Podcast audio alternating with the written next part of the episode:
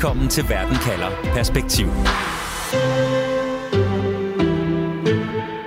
En kontroversiel sag har ramt Polen, der hvor det gør allermest ondt på landet. En ny dokumentar afslører nemlig, at landets største folkehelt, pave Johannes Paul II, angiveligt har holdt hånden over pædofile præster. Og det, som dokumentaren også afslører, ja, det er, at der i Polen eksisterer to helt forskellige virkeligheder. En, hvor den fri presse altså er lykkedes med at komme de her vigtige afsløringer af en mand, der indtil nu har nyt nærmest gudstatus i Polen. Og så en anden virkelighed, hvor kommunisternes aftager forsøger at sværte pavens eftermæle til med beskidt propaganda. Det her pavelige postyr kommer endda kun et halvt år inden, at Polen går til stemmeurnerne i et skæbnevalg om landets fremtid. Og derfor spørger jeg i dag, kan en død pave splitte Polen? Mit navn er Mads Anneberg. Velkommen til Verden kalder. Radio 4 taler med Danmark. Hej Vibe. Hej Mads. Det er en øh, rimelig vanvittig sag, vi skal tale om i dag. Og derfor er jeg glad for, at du vil komme og hjælpe med at redde trådene ud. Vibe Termansen, du er journalist, historiker og forfatter til blandt andet bogen Kampen om Centraleuropa. Og så har du altså et indgående kendskab til Polen. Måske er det lidt en åndssvag sammenligning det her, men den her dokumentar i Polen, Vibe, er det lidt ligesom dengang, der her i Danmark kom den dokumentar om øh, Simon Spies og morgenbolddamerne? Hmm. Det, det er en sjov sammenligning, fordi øh, der er jo ret langt fra paven til, øh, til, til Simon Spies på alle måder. Øhm, øh, ja, måske en lille smule, og så skal du bare gange med tusind. Ikke? Fordi Simon Spies, hvad han var for danskerne, han er et ikon, og alle ved, hvem Simon Spies er. Paven i Polen. Altså, det er paven, the one and only. Der har aldrig været andre paver. Det er i hvert fald den eneste, der er vigtige. Øh, og, og altså, hans status i Polen er så enorm, så man slet ikke kan... Altså, det, det er umuligt for os at forstå her i Danmark. Og så kommer der sådan en dokumentar, som viser, at han ikke selv har bedrevet øh, sexmisbrug, men at han vidst om det, og ikke rigtig gjort noget ved det. Ja, så det er i hvert fald, kan man sige, en, en kendt og afholdt mand, der, der kommer til at fremstå i et mindre flatterende lys, men så gange 10.000.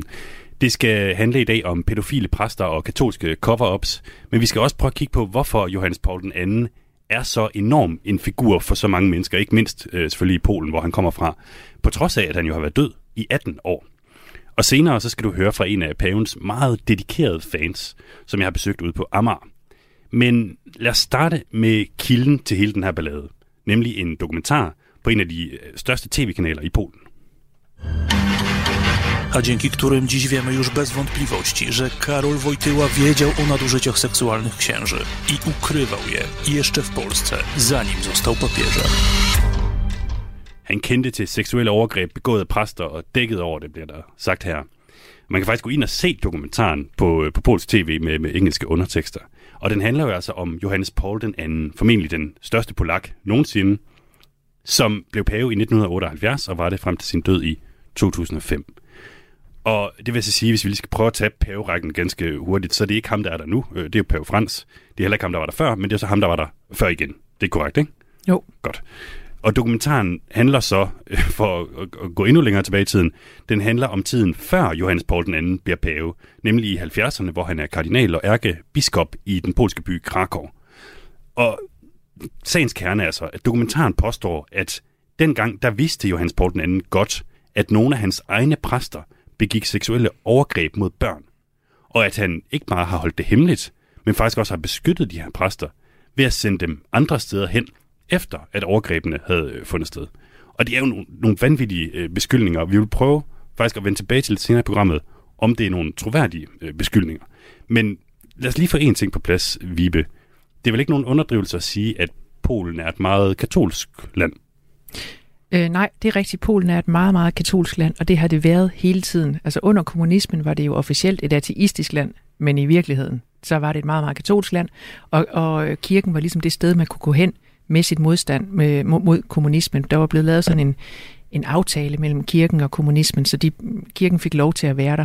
Og så den opsplitning af Polen, du startede med at tale om, ser man jo lignagtigt. Altså det handler i høj grad om, øh, om kirken, og, og om de værdispørgsmål, kirken involverer sig i. Ja, for jeg vil sige, det er et af de lande i Europa stadigvæk, hvor allerflest går i kirke, Polen. Og jeg kunne læse mig frem til, at i 2016, der indsatte de officielt Jesus Kristus som deres konge i Polen. Er det rigtigt forstået? Jamen, det er flot. og der er en gigantisk Jesus-statue, øh, lige så stor og øh, lige så, øh, hvad jeg skal sige, med samme slags æstetik som en Stalin-statue, som de har knaldet op på en pløjemark ude i det vestlige Polen. Øh, katolicismen er stor. Og det var så altså i en absentia, at Jesus blev kronet som deres konge, for han kunne ikke den dag. Hvilket forhold har polakkerne så til manden her, Johannes Paul den anden? altså, Johannes Paul den anden er øh, ikke bare en utrolig hellig mand. Øh, altså, hans betydning for, for kirken, for katolicismen og for alt det åndelige og religiøse er enorm. De synes simpelthen, at han gjorde det fantastisk som pave. Men derudover bare det, at han blev pave, der i 1978. Det var første gang øh, siden 1500-tallet eller sådan noget, at, at der var en pave, som ikke var italiener. Og så vælger man en fra Polen, som officielt er et ateistisk land. Det er jo en langfinger lige i hovedet på øh, kommunisterne. Så den betydning er også enormt stor. Og så, og så den betydning, han fik for samfundet på det tidspunkt. Han blev valgt i 78. Hans anden udlandsrejse overhovedet gik til Polen otte dages øh, pilgrimsrejse op igennem Polen, hvor millioner kom ud at se ham. Altså anslået 13 millioner mennesker, det er en tredjedel af Polens befolkning, var ude og høre ham til sådan nogle gigantiske udendørs messer. Øh, og der var jøder, og der var ateister, og der var kommunister, og de, altså, de synes alle sammen, at, at det var for vildt. Det var sådan en livsbegivenhed, øh, at, at han kom. Og det polske kommunistparti sendte faktisk et lykkeønsningsbrev til ham, da han blev pave, og hans indsættelse blev vist i Pols TV, og det var første gang nogensinde i Pols TV, at der blev vist en gudstjeneste. Så sender det lige tre timers pave-tv der. Så for mange polakker i dag, og særligt på højrefløjen, så var det ham, Johannes Paul II, Jana Pawłowski, eller bare JP2, som de siger i Polen. Det var ham alene, der fik hele kommunismen til at falde, simpelthen i hele verden. Så JP2 bliver han bare kaldt? Jeps er der, der er nærmest ikke nogen i Polen, så der ikke ved, hvem han er, Johannes Paul II. Alle ved, hvem han er. Der er øh, Johannes Paul II øh, gader over det hele. Der er statuer, der er skoler, der er opkaldt efter ham. Øh, der er i virkelig, virkelig mange hjem, hænger der et billede af ham. Så han er bogstaveligt talt øh, møblement øh, i, altså i skoler og i hjem. Han er over det hele. Så hvordan reagerer polakkerne så på afsløringen af, at deres helt store held angiveligt skulle have dækket over pædofile præster? Jamen, de reagerer ligesom på alle mulige andre værdispørgsmål i to vidt forskellige lejre, og de reagerer øh, forventeligt efter, hvilken lejr øh, de tilhører. Øh, Lov og retfærdighed, regeringspartiet, de har reageret ved at få vedtaget en resolution i parlamentet, der, der støtter op om øh, paven og mod det her øh, fremmede, øh, forfærdelige forsøg på at defamere øh, paven. Det vil de ikke finde sig i, de vil ikke være med til premierminister Morawiecki udskiftede sit billede på Facebook og Twitter til et af paven, og præsident Duda fik, fik sådan et stort billede af paven kastet op på præsidentpaladset. Altså, de slår ring om paven øh, og mod det her Øh, forsøg fra fremmede lande på at defamere ham. Øh, et forsøg, der er drevet af hedonisme, må man forstå. Så det er den ene side. Og den anden side, og det er specielt venstrefløjen, de siger, okay kammerater, nu er det jo fuldstændig tydeligt. Øhm, manden, dækket over pædofile præster.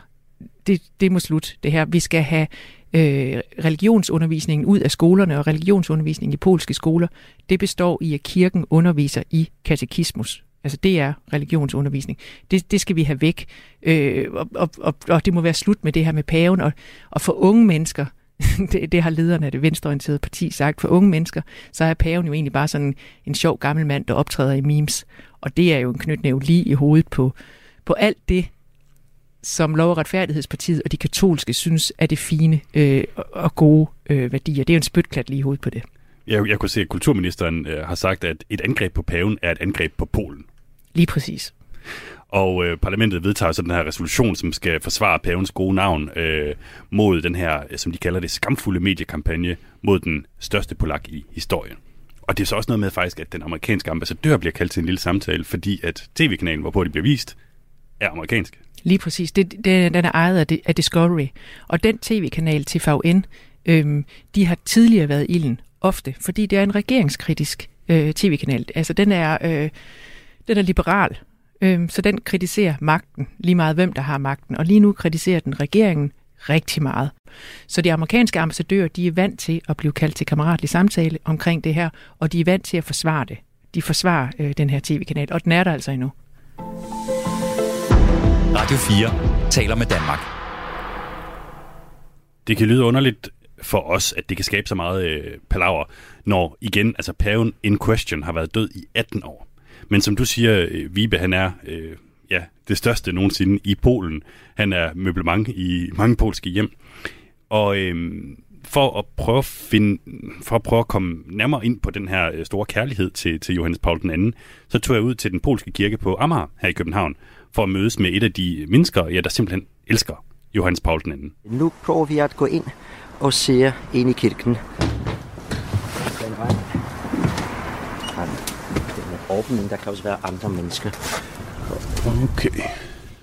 Jamen altså, i, i, i midten, der har vi en ældre øh, Kristus på korset. Vi går ind i en lille lokal, øh, tæt ved skriftestolen. Hvornår har du sidst været inde og skrifte? Øh, for to år siden. det i stedet for at, i stedet for at bruge øh, mange hundrede kroner og gå til psykolog, så bruger man præsterne gratis her.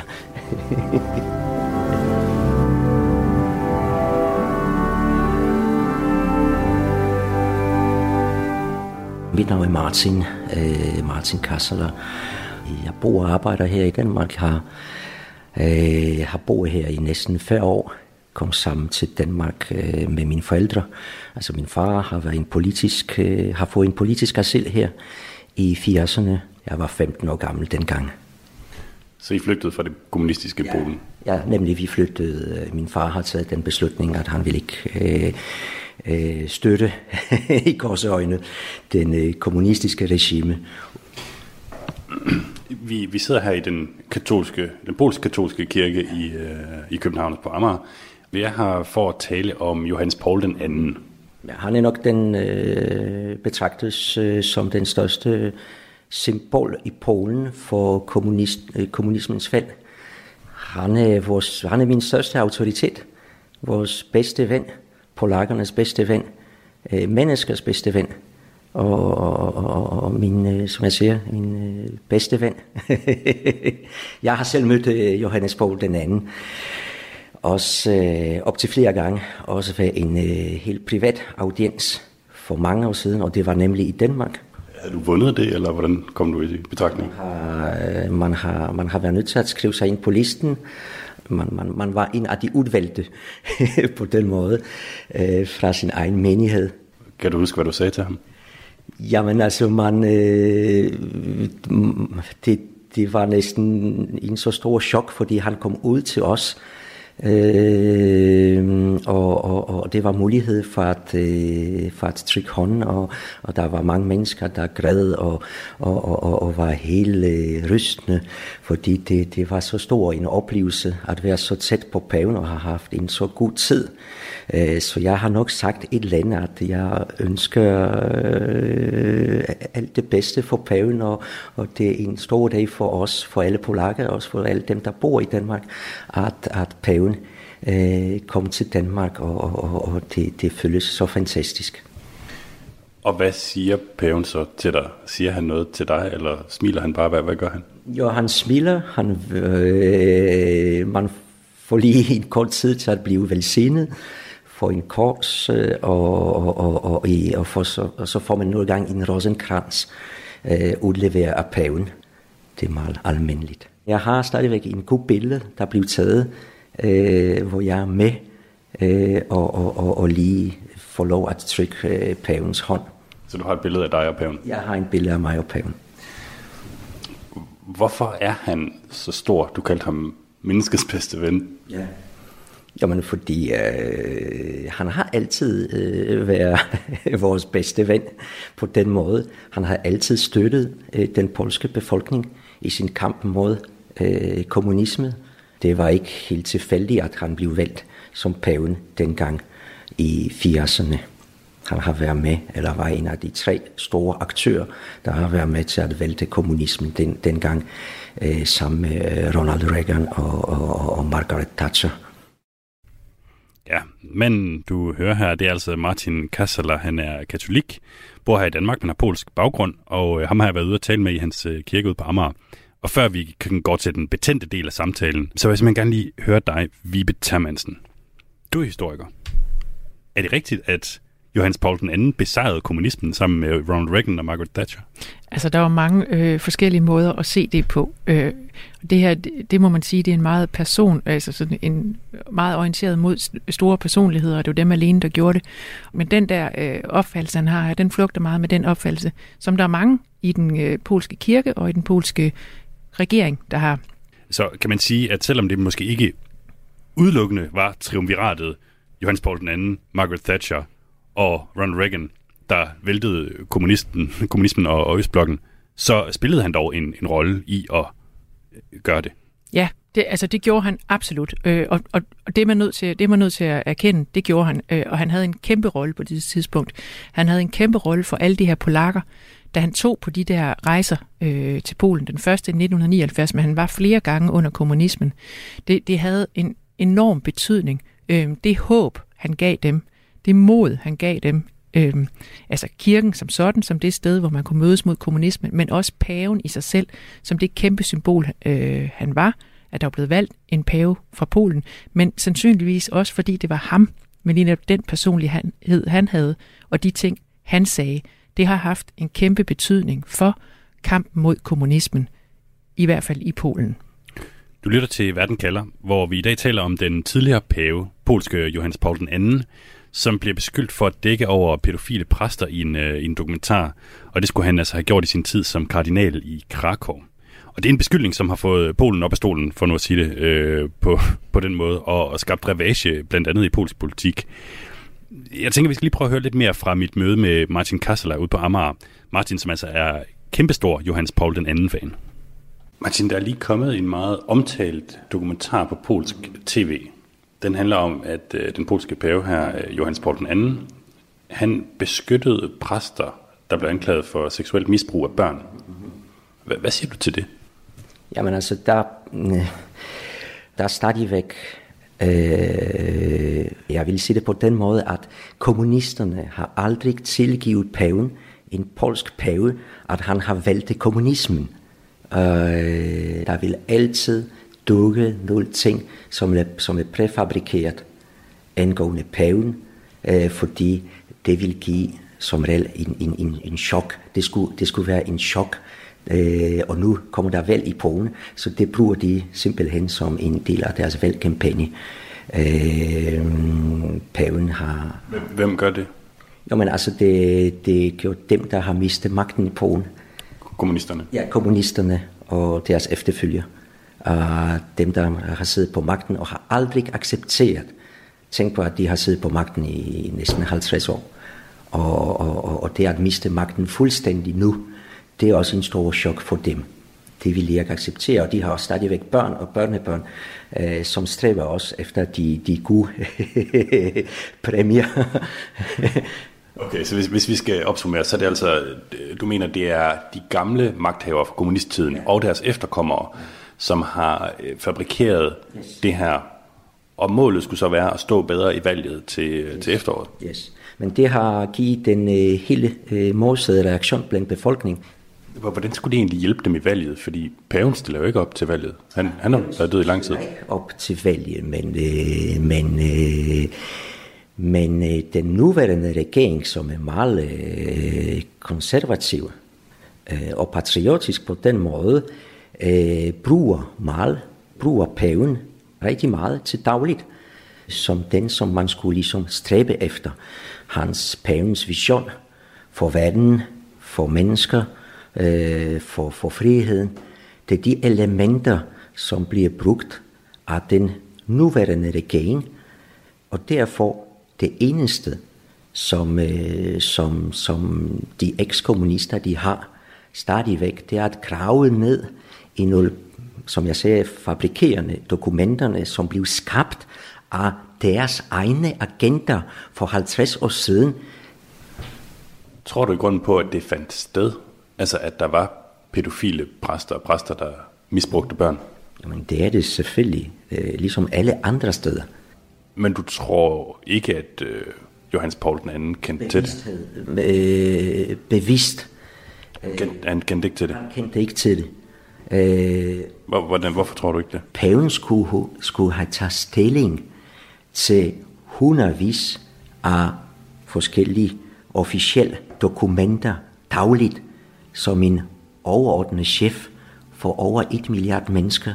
Øh, med den øh, viden, det som paven var også bevidst, og som, mens han var også kardinalen øh, Øh, i Krakow, at kommunisterne har fabrikeret dokumenter, dokumenter, som skulle, hvor han skulle miste sin troværdighed øh, blandt polakkerne.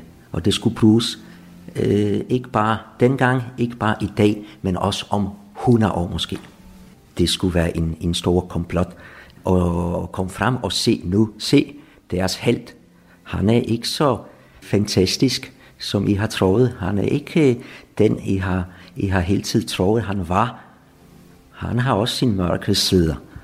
Det, det er et almindeligt øh, kommunistisk øh, propagandaspil, som øh, polakkerne håber ikke på det her i hvert fald.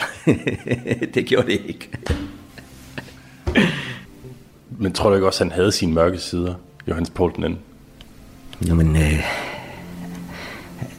alle har sine mørke sider, men hvis paven har, jeg kender ikke til hans mørke sider. Og, og selvfølgelig måske har det været en miser eller to miser øh, i, i, i, i, i, i, i, pavens, øh, i pavens reaktion. Men det, var, det er ikke fordi, han har haft en, en, en, en dårlig vilje. Øh, han er også en menneske.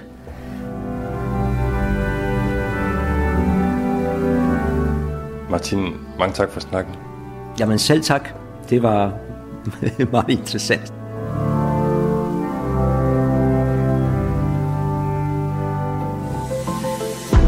Radio 4 taler med Danmark.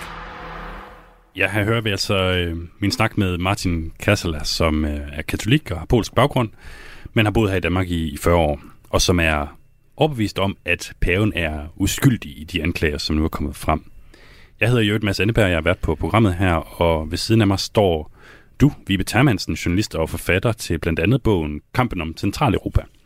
Vibe, nu har jeg jo prøvet at holde spændingen lidt her i løbet af programmet, men er det rigtigt, det som dokumentaren påstår? Altså, at Johannes Paul II tilbage i 70'erne ikke bare viste besked med pædofile præster i Polen, men også, at han hjalp med at holde det hemmeligt? Det er der i hvert fald en he- hel del, øh, der taler for, at, at det er. Øh, det kritikerne siger, altså kritikerne af, af dokumentarprogrammet, øh, og det der udgår af, fra kirken og fra, øh, fra regeringen, det er det samme, som din mand ude på Amager siger, at det er fabrikeret af, af kommunistiske myndigheder. Og det er der gode chancer for. Det kunne, det kunne de kommunistiske myndigheder sagtens øh, have gjort, og, og det er jo sket i en hel række øh, sager, og det vil være oplagt øh, at prøve at få, at få noget på selve paven. Øhm, så den del kan sagtens være, være, være sand, men det kritikerne af regeringen, altså kritikerne af kritikerne, øh, har, har sagt, det er, at, at det handler jo ikke, at øh, TVN's øh, materiale kommer jo ikke kun fra de hemmelige kommunistiske efterretningstjenester dengang. Det er jo også domsudskrifter, og så er det øh, interviews med vidner øh, og med offrene selv. Og så er der endda en, en præst selv, der har været ude at sige, at, øh, at hvis det var så vigtigt, øh, og hvis det var så forkert, det der blev sagt her, så kunne kirken jo selv åbne sine egne arkiver, så man kunne komme til at kigge der. Og det gør kirken ikke. Så det vil sige, at vi kan ikke være, være helt sikre, i hvert fald ikke indtil øh, den polske øh, katolske kirke åbner deres arkiver og lader nogen kigge grundigt ned i dokumenterne. Det, det skulle overraske mig meget, hvis der ikke øh, havde været øh, seksuelt misbrug fra katolske præster af børn i den periode, hvor øh, Karol Wojtyła, som han hed på det tidspunkt, før han blev pave, da han var ærkebisp i Krakow. Og det skulle undre mig meget, hvis en øh, meget, meget dygtig øh, mand og en meget, meget dygtig leder, som han var, ikke på et eller andet tidspunkt øh, havde fået kendskab til det. Og man kan sige, at det vi taler om i dag, det er jo lige så meget reaktionen i, i Polen. Og Martin Kasseler, som jeg talte med her, han laver en kobling til valget. Polen går til valg om et halvt år, og det bliver sådan en rigtig skæbnevalg mellem den nuværende nationalkonservative regering, og så en opposition, som vil noget helt andet med landet, men som har været rimelig spændt hårdt for, altså i, i et par år i hvert fald nu. Ser du, at den her dokumentar kan få indflydelse på valget?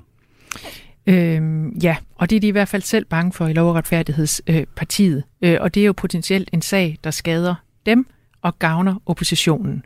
Men som det altid er tilfældet, han har sagt, i Polen, så er oppositionen jo ikke enige om noget som helst. De er enige om, altså de er enige om, at de vil have, have stoppet balladen med EU, hvis det skulle lykkes dem at få, at, at få smidt øh, lov og retfærdighed på porten. De vil stoppe balladen med EU, de vil have retsstaten tilbage på sporet, de vil, øh, at, at der skal ikke være det skal ikke være staten, der, der styrer fuldstændig, hvem der sidder i statslige institutioner og virksomheder. Det skal ikke være staten, der styrer medierne. Det er de enige om. Men på alle de der værdispørgsmål, LGBT, abort, kirken, der er de faktisk ret uenige. Så hvis det ligesom skulle være det spørgsmål, der skulle vælte regeringen og få dem til, så kan det godt være, at det kunne lykkes, og de vil vinde regeringsmagten, men det vil blive enormt svært for dem at styre bagefter, hvis det var det eneste, øh, det skulle handle om, hvis det var hovedspørgsmålet. Kan det blive en fordel også for den nuværende regering, at de går ud nu og, og bliver øh, pavens forsvarer på en måde? Ja, ja, det kan det sagtens blive, øh, fordi det er så stort for polakker. Og, og den der resolution, vi startede med at tale om, som, som der blev stemt om i øh, inde, inde i parlamentet, i underhuset i Sejm, der var det jo, øh, der stemte regeringspartiet og nogle andre for resolutionen. Ikke? De støttede paven, mens det stort set kun var det yderste venstrefløj, Levitsa, der stemte imod resolutionen. Og så var der en masse sådan mere midterpartier, som, skal dan, som er meget større, og som skal, ligesom skal danne grundstammen i en opposition, hvis man skal have en opposition, hvis oppositionen skal i regering. De lød være med at stemme, fordi det er så farligt, det er så vildt det her med, med paven i Polen. Så, øhm, man kan ikke stemme imod, at øh, paven var den største polak nogensinde? Nej, det kan man ikke. okay. Øhm, uanset om den her pavehistorie ender med at, at få indflydelse på valget eller ej, hvad siger det så om, om Polen, at reaktionerne på sådan en dokumentar her er så enormt forskellige, som de er? Jamen, det, det siger det, det fortæller den historie, der i det hele taget er om Polen de her år, om, om et dybt, dybt, dybt splittet Polen. Og det, og det følger lige nøjagtigt de linjer, der har været hele tiden. Øhm, og, og det er, det, det er forskellen på, hvordan man ser Polen, og hvordan man ser sig selv, og hvordan man ser Europa øh, og verden. Og det er de der værdispørgsmål, der er så vigtige. Og så er det jo en sag, der trækker tråde tilbage i historien og til kommunismen, som jo står som de værste forbrydere sammen med nazisterne. Øh, så, så er de de aller værste forbrydelser. Øh, så bare nævne det ord, bare at smide den sætning på banen, jamen det var noget, kommunisterne har fabrikeret. Det er sådan en... Altså, Kommunistkortet. Det er kommunistkortet, øh, og det, det er meget, meget svært at, at, gøre, at gøre noget ved. Men det er også en kort, de kan smide i hovedet på hinanden hele tiden. Du lytter til Radio 4. Så Vibe, hvis vi skal tage det oprindelige spørgsmål i dagens program. Kan en død pave splitte Polen? Ja, det kan en død pave øh, i den grad, fordi det rammer alt, alt hvad der er polsk. Alt, alt hvad det den måde, de ser sig selv på. Det rammer lige ned i den polske identitet, øh, og hvad man vil med sig selv, og hvad man vil med Polen, og hvad man vil i fremtiden. Tusind tak, fordi du ville være med, Vibe. Tusind tak, fordi jeg måtte. Vibe Termansen, altså journalist, historiker og forfatter til blandt andet bogen Kampen om Centraleuropa. Du har lyttet til programmet Verden kalder med mig, Mads Anneberg. Vi sender hver mandag og torsdag mellem kl. 17 og 18 her på Radio 4. Og hvis du lige hurtigt skal klædes på til sådan et aftenselskab, hvor I skal tale om urolighederne i Frankrig, eller om Finlands NATO-medlemskab, eller måske kontroversielle beskyldninger mod en afdød polsk pave, ja, så kan du finde alle afsnit af programmet her som podcast eller på radio4.dk.